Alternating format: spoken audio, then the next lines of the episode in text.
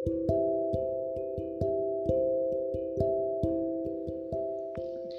Sobat Rifka, kita ketemu lagi di seri podcast Rifka Anissa. Ya, sekali ini bersama saya, Tiwu Rejar Sayekti.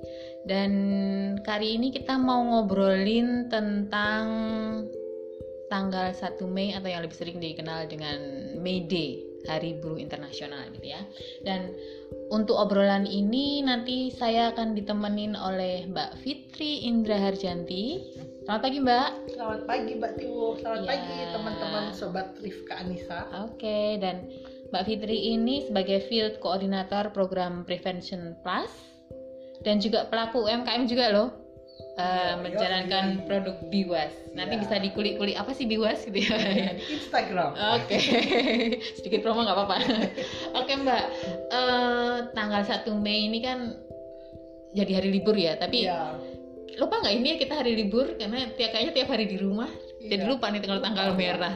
Tadi aja nanya sama Mbak Tiwo aku. libur nggak ya gitu ya Eh, ya karena saat ini kita sedang di situasi yang mengharuskan kita untuk di rumah jadi ya semoga masih ingat juga ya ini hari apa gitu gitu nah Mbak Fit nanti kita akan ngobrolin tentang ini Hari Buruh Internasional atau May Day gitu ya Oke. yang ya kayaknya tiap tahun itu ada entah itu demo, entah itu kemudian penuntutan hak gitu ya.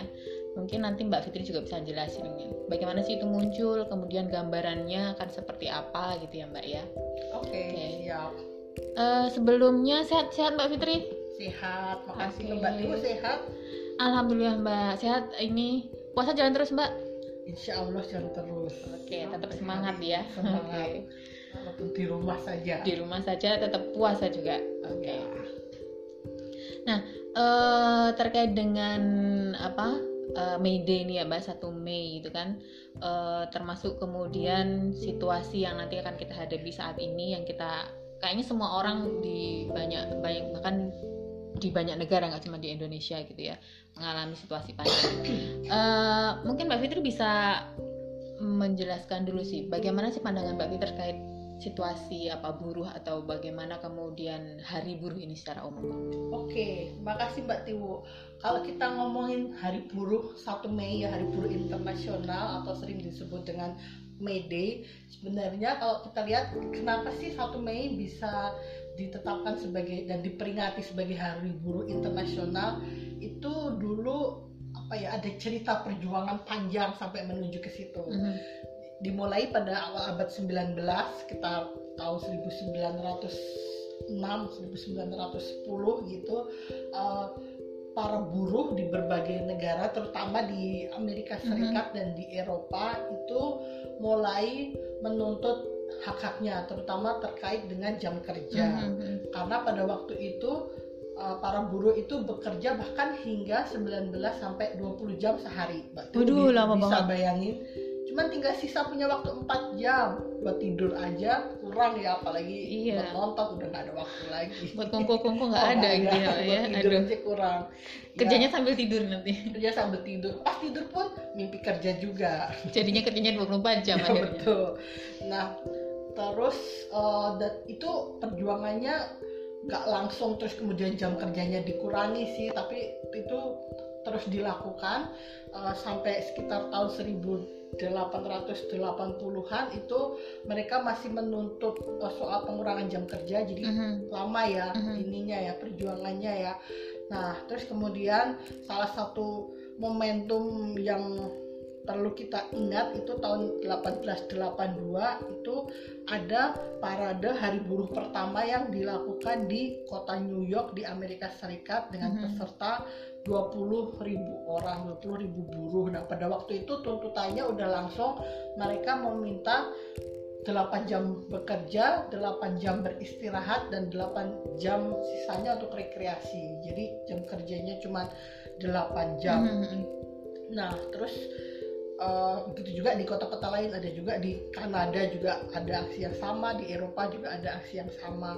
Nah, kemudian kenapa akhirnya diputuskan 1 Mei itu yang diperingati yang kita peringati sebagai Hari Buruh Internasional karena pada tanggal 1 Mei itulah ya tepatnya tahun 1886 Mhm. akhirnya mulai diper, diberlakukan jam kerja buruh itu 8 jam sehari sampai hari ini. hari ini ya Jadi kalau sekarang kita bisa menikmati kita kerja cuma 8 jam kan sekarang kita rata-rata kerja di mana pun kan jam kerjanya 8 8 jam, ya ya Hmm. kita bisa menikmati itu itu adalah hasil dari perjuangan para buruh yang tadi udah kita obrolkan sekian lama itu ya sekian lama itu. Nah, sekarang untuk Indonesia, kalau di Indonesia sendiri sebenarnya sejak uh, awal abad 20 tahun 1920-an itu uh, sudah Indonesia sudah ikut memperingati Hari Buruh Internasional. Tetapi sejak zaman Orde Baru itu sudah tidak diperingati lagi karena pada masa Orde Baru itu memperingati Hari Buruh kayak diidentikan dengan gerakan uh, G30 SPKI sehingga mungkin kayak kita kita yang masa kecilnya atau masa bertumbuhnya di di zaman orde baru kan kita kayak nggak pernah mendengar ya ada hari buruh internasional ya. Iya. Karena memang zaman orde baru itu nggak diperingati. Mhm. nah setelah reformasi tahun 98 terus orde baru tumbang hari buruh mulai diperingati lagi. Sejak saat itu kemudian setiap tanggal 1 Mei itu eh, Hari Buruh Internasional mulai diperingati di mana-mana di kota-kota besar terutama di Indonesia. Para buruh berdemo untuk menuntut hak-hak mereka eh, dipenuhi dan agar menuntut mereka supaya lebih diperhatikan oleh pemerintah. Selain itu sebagai simbol gitu ya, sebagai simbol dari dari diakuinya perjuangan buruh, eh, mereka juga menuntut agar tanggal 1 Mei itu ditetapkan sebagai hari libur nasional di Indonesia Mhm. karena sebelumnya kan nggak libur. Nah, akhirnya pada tahun 2013 akhirnya eh, tuntutan tentang 1 Mei libur nasional itu eh, dipenuhi dan mulai berlaku pada tanggal 1 Mei 2014 sudah ditetapkan sebagai hari libur di Indonesia. Oke, ini mulainya 2000 ditetapkan 2013, mulai berlaku 2014 ya. Betul. Belum lama juga ya, Belum baru kemarin baru gitu ya. kemarin Oke. libur. Hasil perjuangan ikut berjuang demo, Mbak. Oh iya, dulu waktu mahasiswa tiap tanggal 1 Mei saya pasti ikut demo. Aktivis demo Iya, juga ya kita ya. Belum libur, kita tuntutannya 1 Mei libur nasional atau mogok total. Oke. saya. Kita ikut berjuang, Mbak, berarti. Oke. eh, itu situasi buruh secara umum ya. Eh, kemudian ada apa? Gerakan untuk menuntut hak-hak gitu ya masih berlaku juga masih apa masih sering kita dengarkan gitu. Nah eh, kemudian saat ini nih kita dihadapi dengan situasi pandemi gitu ya. Suatu pas pandemi yang eh, apa kayaknya ini berdampak pada semua segi kehidupan gitu ya. Dan Betul. eh, terakhir yang saya baca dari apa datanya ALO itu kurang lebih 2,7 miliar pekerja di seluruh dunia itu terdampak. Entah yang itu berwujudnya pengurangan jam kerja kemudian dirumahkan dirumahkan dengan istilah tanda kutip di- dirumahkan dengan segala konsekuensinya gitu atau kemudian ada cuti tanpa gaji bahkan ada yang kemudian di PHK nah eh, kalau Mbak Fitri sendiri melihatnya gimana sih Mbak antara hari apa hari buruh atau situasi buruh sebelum kemudian situasi ada situasi pandemi dengan saat ini kita menghadapi pandemi nih Ya betul Mbak Tiwo.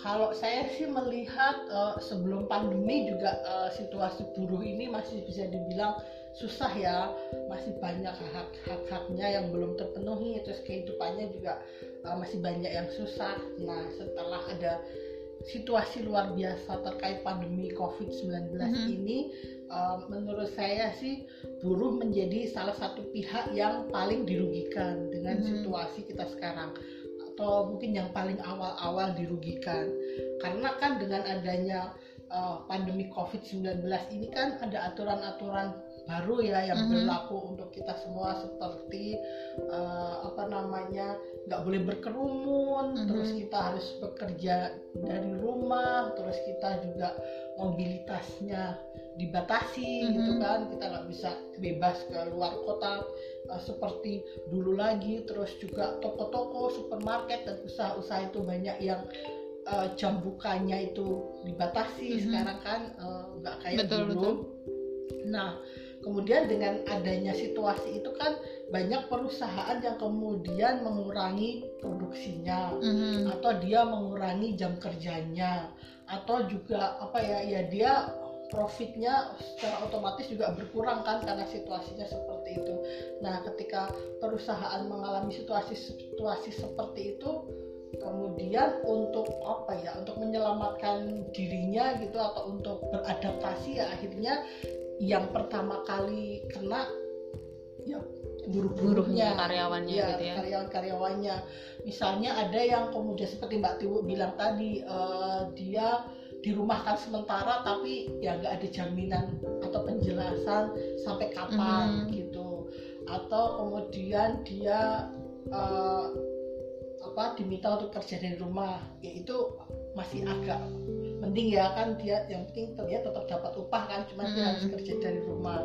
Eh, tapi ada juga yang kemudian di PHK di PHK begitu saja bahkan tanpa pesangon Mhm. harusnya kan uh, ada aturan ya kalau misalnya perusahaan mem PHK karyawannya kan harus memberikan pesangon tapi di situasi ini uh, karena saya juga me- melihat sendiri ya kemudian ada orang uh, saudara saya tetangga saya kemudian ya dia di PHK Mhm. tanpa pesangon tanpa penjelasan ya mungkin satu-satunya penjelasan cuman ya karena ada COVID-19 ini kemudian mereka nggak berjalan usahanya atau untungnya berkurang ya dengan terpaksa harus mem-PHK karyawannya dan tanpa memberikan hak-haknya Eh, mungkin seperti itu sih Iya.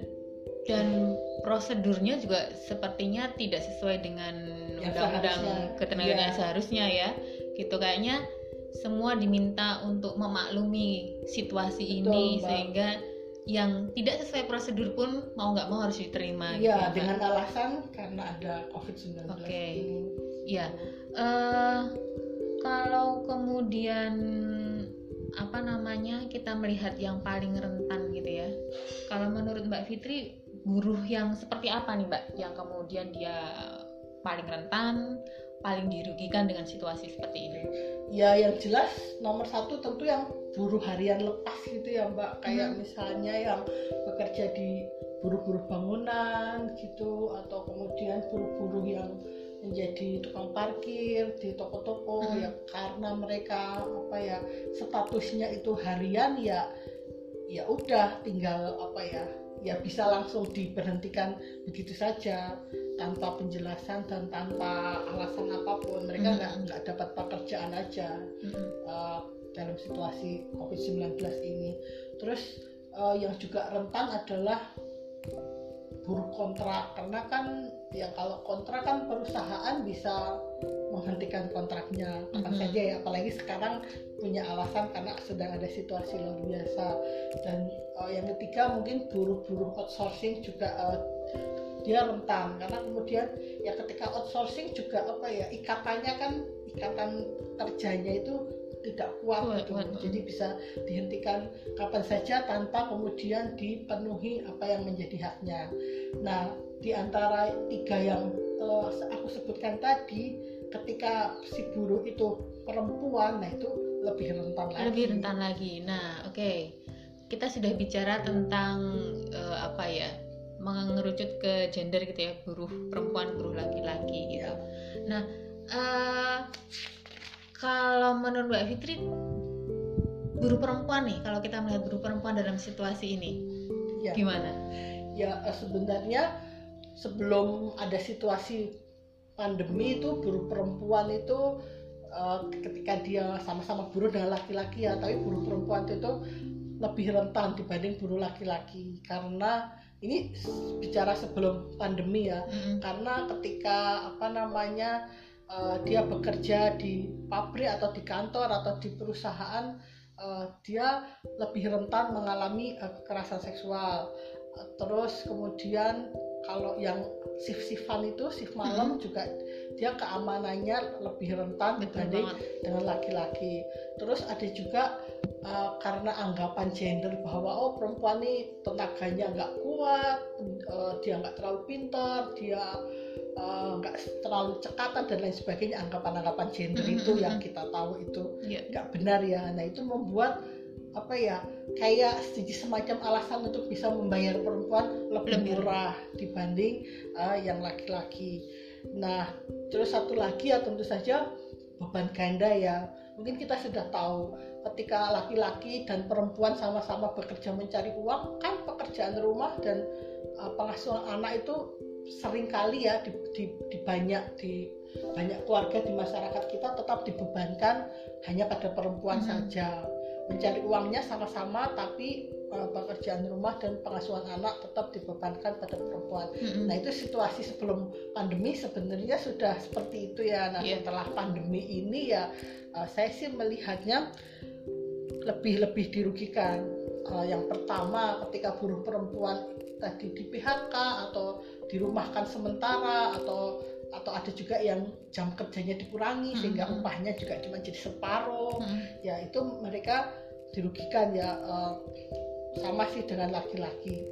Terus kemudian eh, yang kedua ketika kemudian buruh-buruh ini harus bekerja dari rumah atau work from home nah ini saya banyak mendengar curhatan dari teman-teman saya.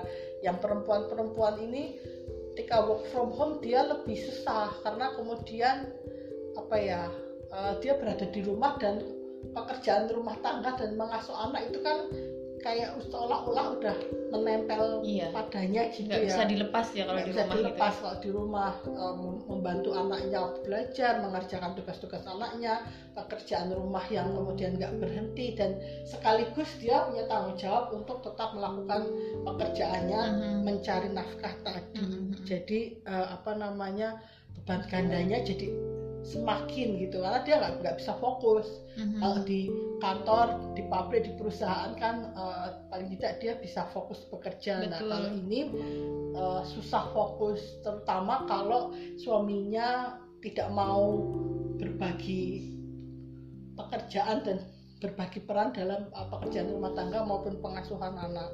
Terus, nah satu lagi fenomena yang terjadi di masa pandemi COVID-19 ini yaitu kan yang work from home tuh nggak hanya si perempuan ya, Mm-mm. suaminya kan juga Betul. work from home karena kan sekarang hampir semuanya banyak lah banyak yang kemudian work from home nah ketika suami dan istri ini sama-sama berada di rumah terus ketemu terus mungkin tingkat stresnya tinggi karena suami juga dia merasa khawatir cemas takut Mm-mm. marah gitu ya dengan situasi ini dan kemudian ditambah mungkin dengan apa ya ya ketidakpastian melihat di rumah anak-anaknya juga di rumah. Jadi kayak lebih rentan eh, meningkatkan rasa marah gitu loh. Nah Mhm, ketika mhm, si si suami-suami ini dia tidak bisa mengelola rasa marah atau kekhawatirannya itu akhirnya yang terjadi adalah dilampiaskan kepada istri dan anaknya. Mm-mm. Nah, kalau kita lihat kan sekarang banyak catatan yang mengatakan ketika work from home ini akhirnya angka kekerasan dalam rumah tangga meningkat. meningkat. Kalau saya sih melihatnya ya mungkin itu karena pengelolaan eh, berbagai macam rasa yang tidak bisa apa ya terkelola dengan baik akhirnya munculnya menjadi rasa marah dan dilampiaskan ke orang-orang terdekat yaitu ya istri dan anaknya tentu saja yang serumah. Oke gitu sih mbak. Jadi eh, apalagi kalau kita mendengar perempuan di tidak di situasi pandemi pun sudah ini ya sudah dianggap eh, di bawah laki-laki. Iya. entah itu eh, apa namanya beban kerja entah itu kemudian eh, apa namanya eh, upah dan segala macam. Sekarang di situasi di situasi pandemi dengan situasi yang kompleks ini Iya. jadi lebih terpuruk lagi gitu ya iya. perempuan padahal kan kalau kita lihat ya perempuan juga sama lah dia juga pas apa pas-pas juga khawatir juga Betul. cemas juga dengan situasi yang kita tidak tahu ini ya ketidakpastian situasi. Sekarang kan sebenarnya baik laki-laki maupun perempuan kan sama-sama ya mengalami berbagai macam emosi itu cuman ya kalau kita lihat dari apa ya lagi-lagi ngomongin relasi ya biasanya kemudian yang melampiaskan dengan cara-cara yang agresif adalah eh, laki-laki ke Laki-laki. perempuan atau ke anaknya Iya, oke. Nah, tantangan lain apa mbak yang dihadapi buruh perempuan di situasi ini Oh ya tan- tantangan lainnya sih eh, apa ya karena kalau situasi ini semakin lama akan semakin seperti ini gitu ya Mhm. maksudnya terus seperti ini ya mereka rentan kehilangan pekerjaannya itu sih Mbak. dan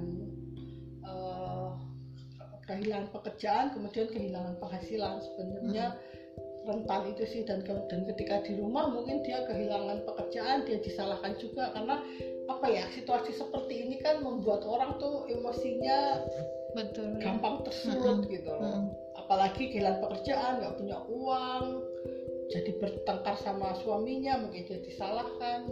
Seperti itu masih sih. ngurus anak Masih ngurus yang lain anak, gitu terus ya kan ini loh anak sekarang yang pada sekolah dari rumah itu kan tugas sekolahnya banyak Hmm, sekali betul banget saya lihat tuh ponakan ponakan, saya itu wah itu sehari itu bisa ngerjain tugas kayak bikin video Mm-mm. bikin bikin segala macam itu susah-susah nah itu kebanyakan ibunya yang ikut ikut ngerjain atau paling enggak eh, membantu gitu mendampingi Oke, lagi-lagi tambahan sih ya tugas Iya. pokok harus eh, apa?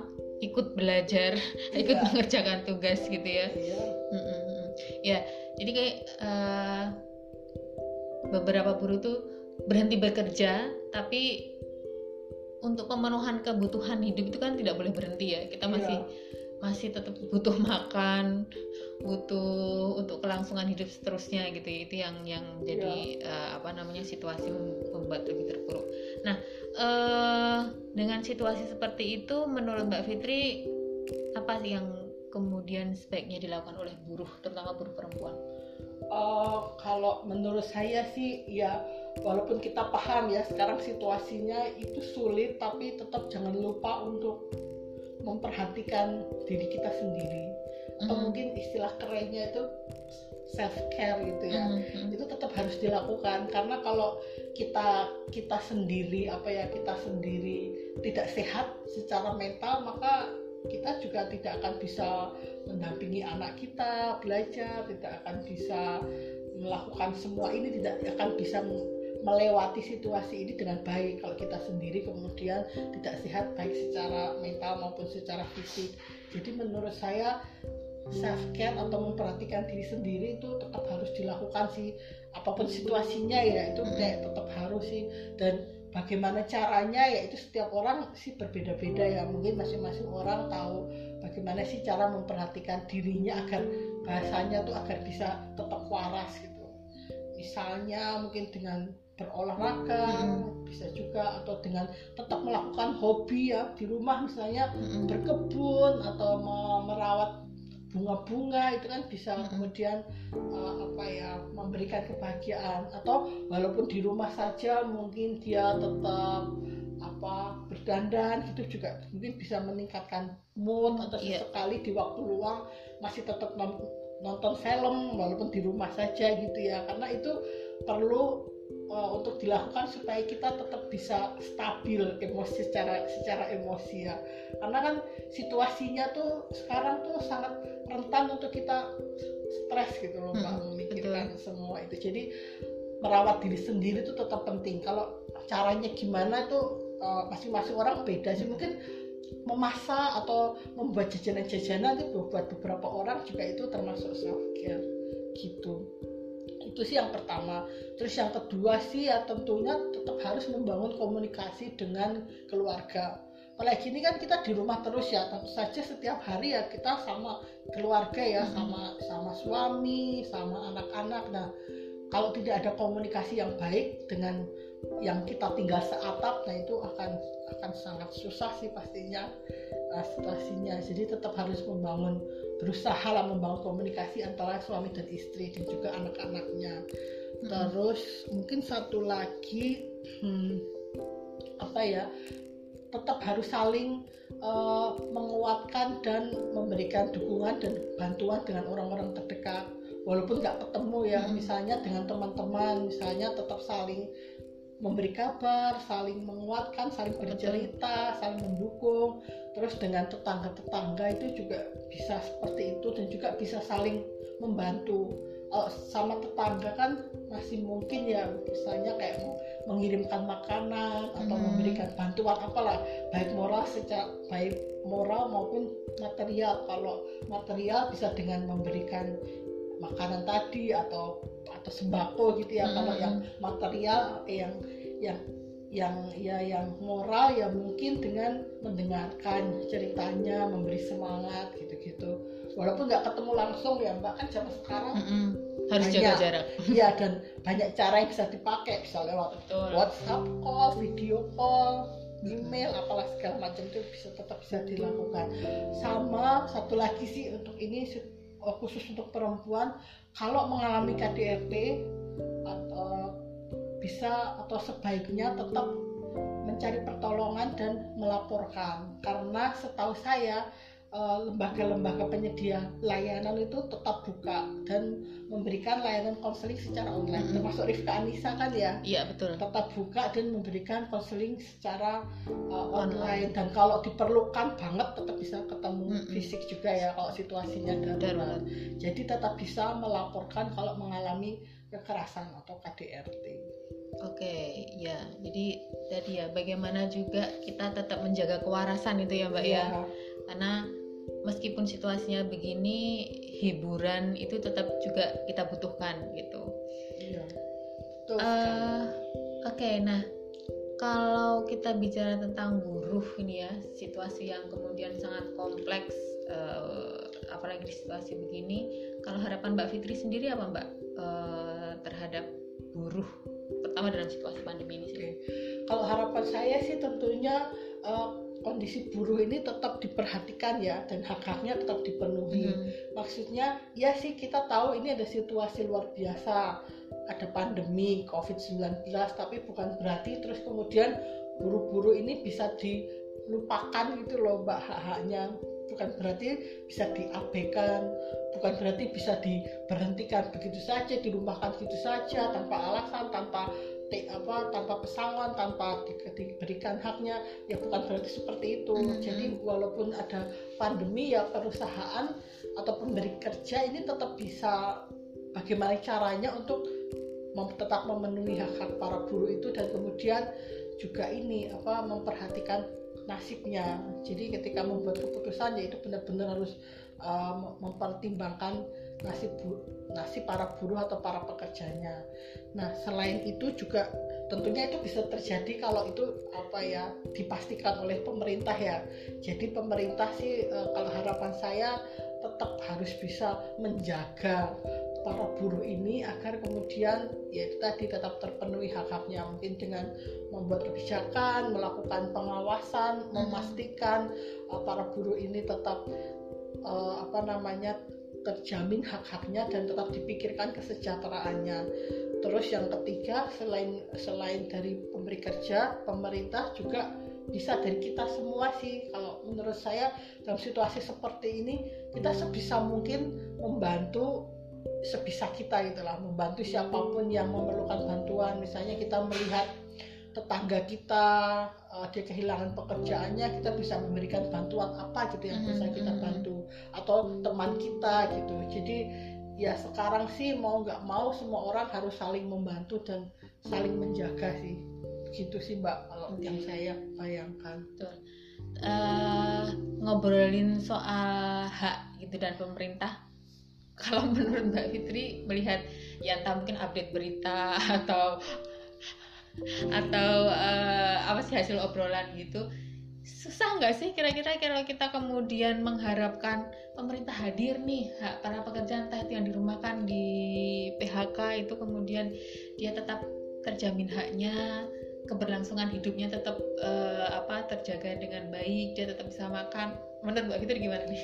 kalau saya sih apa ya ya dalam situasi seperti ini kalau saya sih melihatnya kita tetap uh, berjalan dua-duanya sih yang saya maksud dengan dua-duanya yang satu tetap menuntut pemerintah gitu ya untuk kemudian uh, melakukan tugasnya menjamin kesejahteraan para buruh tapi kita juga tidak hanya menunggu pemerintah Oke. apa apa ya kayak meng- menggantungkan nasib hanya pada pemerintah saja sih karena ya mungkin seperti kata Mbak Tio tadi ya mungkin itu bakal lama atau mungkin Mm. bakal nggak terjadi atau kayak gimana gitu ya nah tapi tetap harus dituntut sih karena kan Mm, mm, itu oke. adalah kewajiban pemerintah gitu ya Oke. cuman sembari itu ya kita tetap yang saya bilang tadi ya kita tetap di antara kita sendiri saling membantu saling memberikan dukungan saling saling memberikan bantuan entah apa pun bentuknya sebisa kita apa pun caranya itu kemudian kita tetap juga apa ya kayak dari kita sendiri lah Mhm. mbak. Itu tetap saling membantu. Sama mungkin kalau kalau saya sih satu lagi ya kita bisa mengembangkan ide-ide kreatif untuk untuk apa ya untuk mengembangkan usaha-usaha baru gitu kayak misalnya di tempat tinggal saya ini sekarang banyak orang yang kemudian dia berjualan apa makanan-makanan untuk buka puasa dan itu Mhm. diantar Mm. Oh, Dan itu- ada jasa ya. delivery. Iya dan itu hanya di lingkungan satu RT saja gitu. Itu kan bisa menjadi usaha-usaha kreatif untuk Mm-mm. menambah penghasilan dan juga itu mendukung apa ya mendukung isolasi mandiri gitu katakanlah karena kan kemudian kita nggak usah keluar dari Nah. RT tinggal beli dari tetangga-tetangga sendiri Betul. udah bantuin tetangga kita juga jadi nggak perlu banyak keluar rumah Mm-mm. gitu sih itu Mm-mm. mungkin ide-ide kreatif gitu bisa dikembangkan dengan tetap uh, meminta pemerintah melakukan kewajibannya Oke. Itu mendukung yang nggak demen masak nih, Mbak. Iya, Tinggal seperti order saya. datang ke rumah. diantar menjelang buka puasa Udah pokoknya enak banget tuh. Oke, eh, itu tadi secara umum. Kalau untuk eh, khusus guru perempuan nih Mbak, karena kan tadi situasinya apa pun situasinya, entah itu eh, di situasi pandemi atau sebelum pandemi itu muncul, guru perempuan ini kan memang kemudian eh, nasibnya bisa dikatakan lebih eh, apa ya? Kalau bahasa ekstrimnya lebih buruk gitu. Iya. Nah, kalau harapan untuk buruh perempuan sendiri gimana, Mbak? Uh, kalau harapan untuk buruh perempuan yang pertama tuh supaya mereka tidak merasa sendiri atau kita jangan sampai membuat mereka menghadapi ini sendiri Mhm. gitu. Jadi uh, mereka harus tahu bahwa mereka tidak sendirian dalam menghadapi situasi ini. Ya caranya ya tadi sih dengan kita lebih memberi perhatian dan memberi dukungan Uh, dan juga orang-orang terdekatnya ya buat para uh, suami-suami gitu ya para laki-laki mungkin juga uh, apa ya bisa lebih memperhatikan situasi istrinya gitu ya. Karena kan sebenarnya kita semua tuh sama-sama apa ya sama-sama cemas khawatir bingung dengan situasi yang tidak pasti ini. Sehingga kemudian sebaiknya kita saling mendukung dan saling ini ya saling saling membantu bukan kemudian saling menyalahkan gitu. Dan juga eh, itu yang itu yang letaknya di pikiran dan di hati ya. Tapi itu saja tidak cukup. Harus dipraktekkan juga dengan membantu atau berbagi kerja dan berbagi uh, peran dengan istrinya. Jadi kalau di rumah ya jangan sampai hanya ibu atau istri yang bekerja melakukan pekerjaan rumah tangga dan mengurus anak, membantu mengerjakan tugas sekolah anak. Jangan jangan sampai hanya si istri saja, Hmm, tapi harus berbagi sama suaminya. Karena itu penting sekali gitu. Itu itu adalah dukungan yang konkret gitu lah Mm-mm. buat ibu-ibu atau istri-istri ini ketika kemudian apa ya dia bisa membagi bebannya baik secara emosional maupun secara prakteknya gitu. Jadi prakteknya pun juga dibantu separuh-separuh. Gitu sih mbak. Em, jadi harapan saya tuh itu mereka jangan dibiarkan sendiri lah mengatasi ini semua.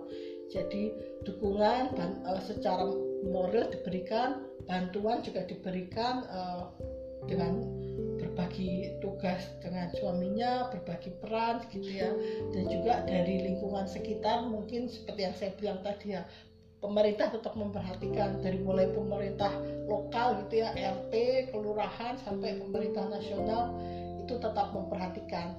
Dan satu lagi eh, ya kita harus waspada jangan sampai eh, kemudian angka KDRT ini terus naik Naik, oke. maksudnya situasi pandemi ini udah cukup sulit jangan Mhm. kemudian ditambah lagi dengan uh, me- meningkatnya kekerasan dalam rumah tangga mungkin itu sih Oke. jadi kita harus mengatasi ini bersama-sama Bersama. gitu loh Termasuk women support woman gitu ya mbak Iya, women support woman. Women support- woman juga. men support woman oke ya Eh, oke mungkin sedikit ini juga mbak boleh kalau apa cerita terkait dengan tadi eh, apa UMKM yang dijalankan. Oh, gimana mbak situasi promosi pandemi ini.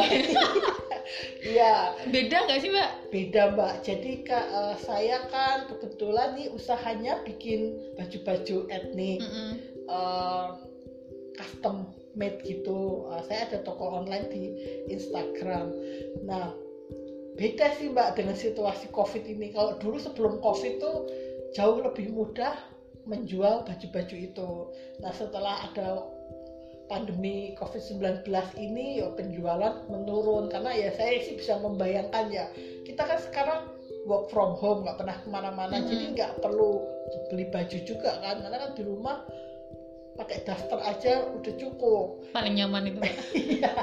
terus yang kedua juga ini eh, situasinya sedang seperti sekarang ini kan tentu orang punya prioritas yang lebih penting seperti membeli makanan gitu ya Mhm. atau menyiapkan tabungan untuk kalau kalau situasinya semakin apa tidak pasti sehingga mungkin membeli produk baju menjadi kurang menjadi prioritas. Jadi ya Mhm. tetap berpengaruh sih mbak dibanding dulu sebelum pandemi itu lebih mudah penjualannya. Oke. Jadi curhat sekaligus promosi.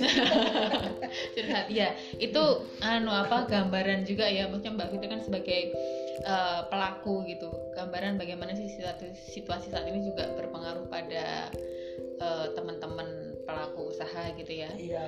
Eh, tidak hanya kemudian apa namanya yang kemudian di bawah sebuah korporasi atau lembaga atau perusahaan tetapi bagaimana kita yang kemudian bekerja eh, atas diri kita itu juga juga mengalami apa namanya mengalami situasi Dampak, yang eh, yang rumit gitu.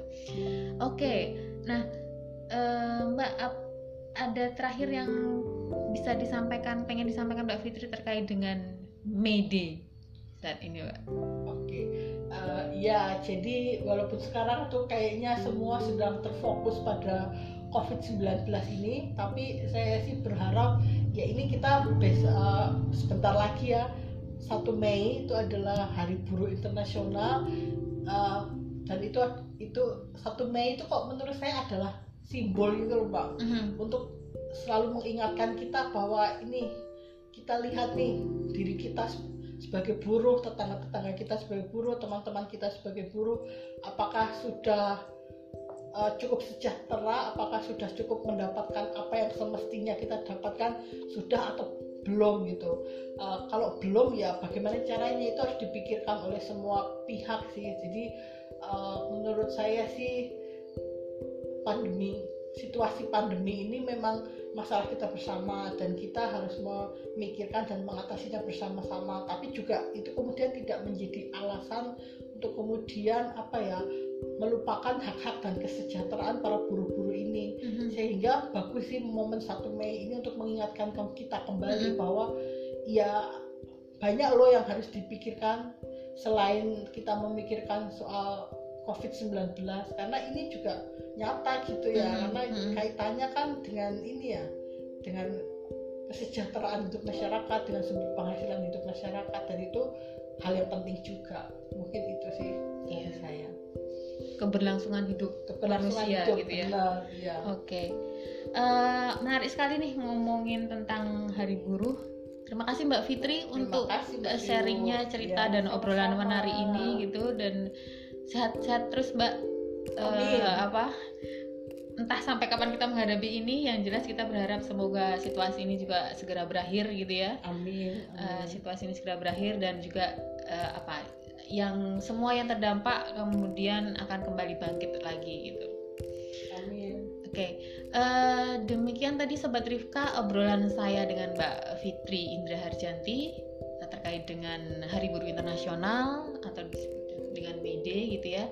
Ya semoga eh, momentum ini tadi seperti disampaikan Mbak Fitri mengingatkan kita lagi eh, untuk kita saling bekerja sama gitu ya, bekerja sama tidak hanya kemudian eh, menggantungkan pada salah satu pihak, tapi bahwa kita semua bisa kok saling support gitu baik women support women, men support women dan support each other gitu. oke okay? uh, sampai ketemu lagi di seri podcast yang lain terima kasih banyak sobat Rifka dan salam sehat selalu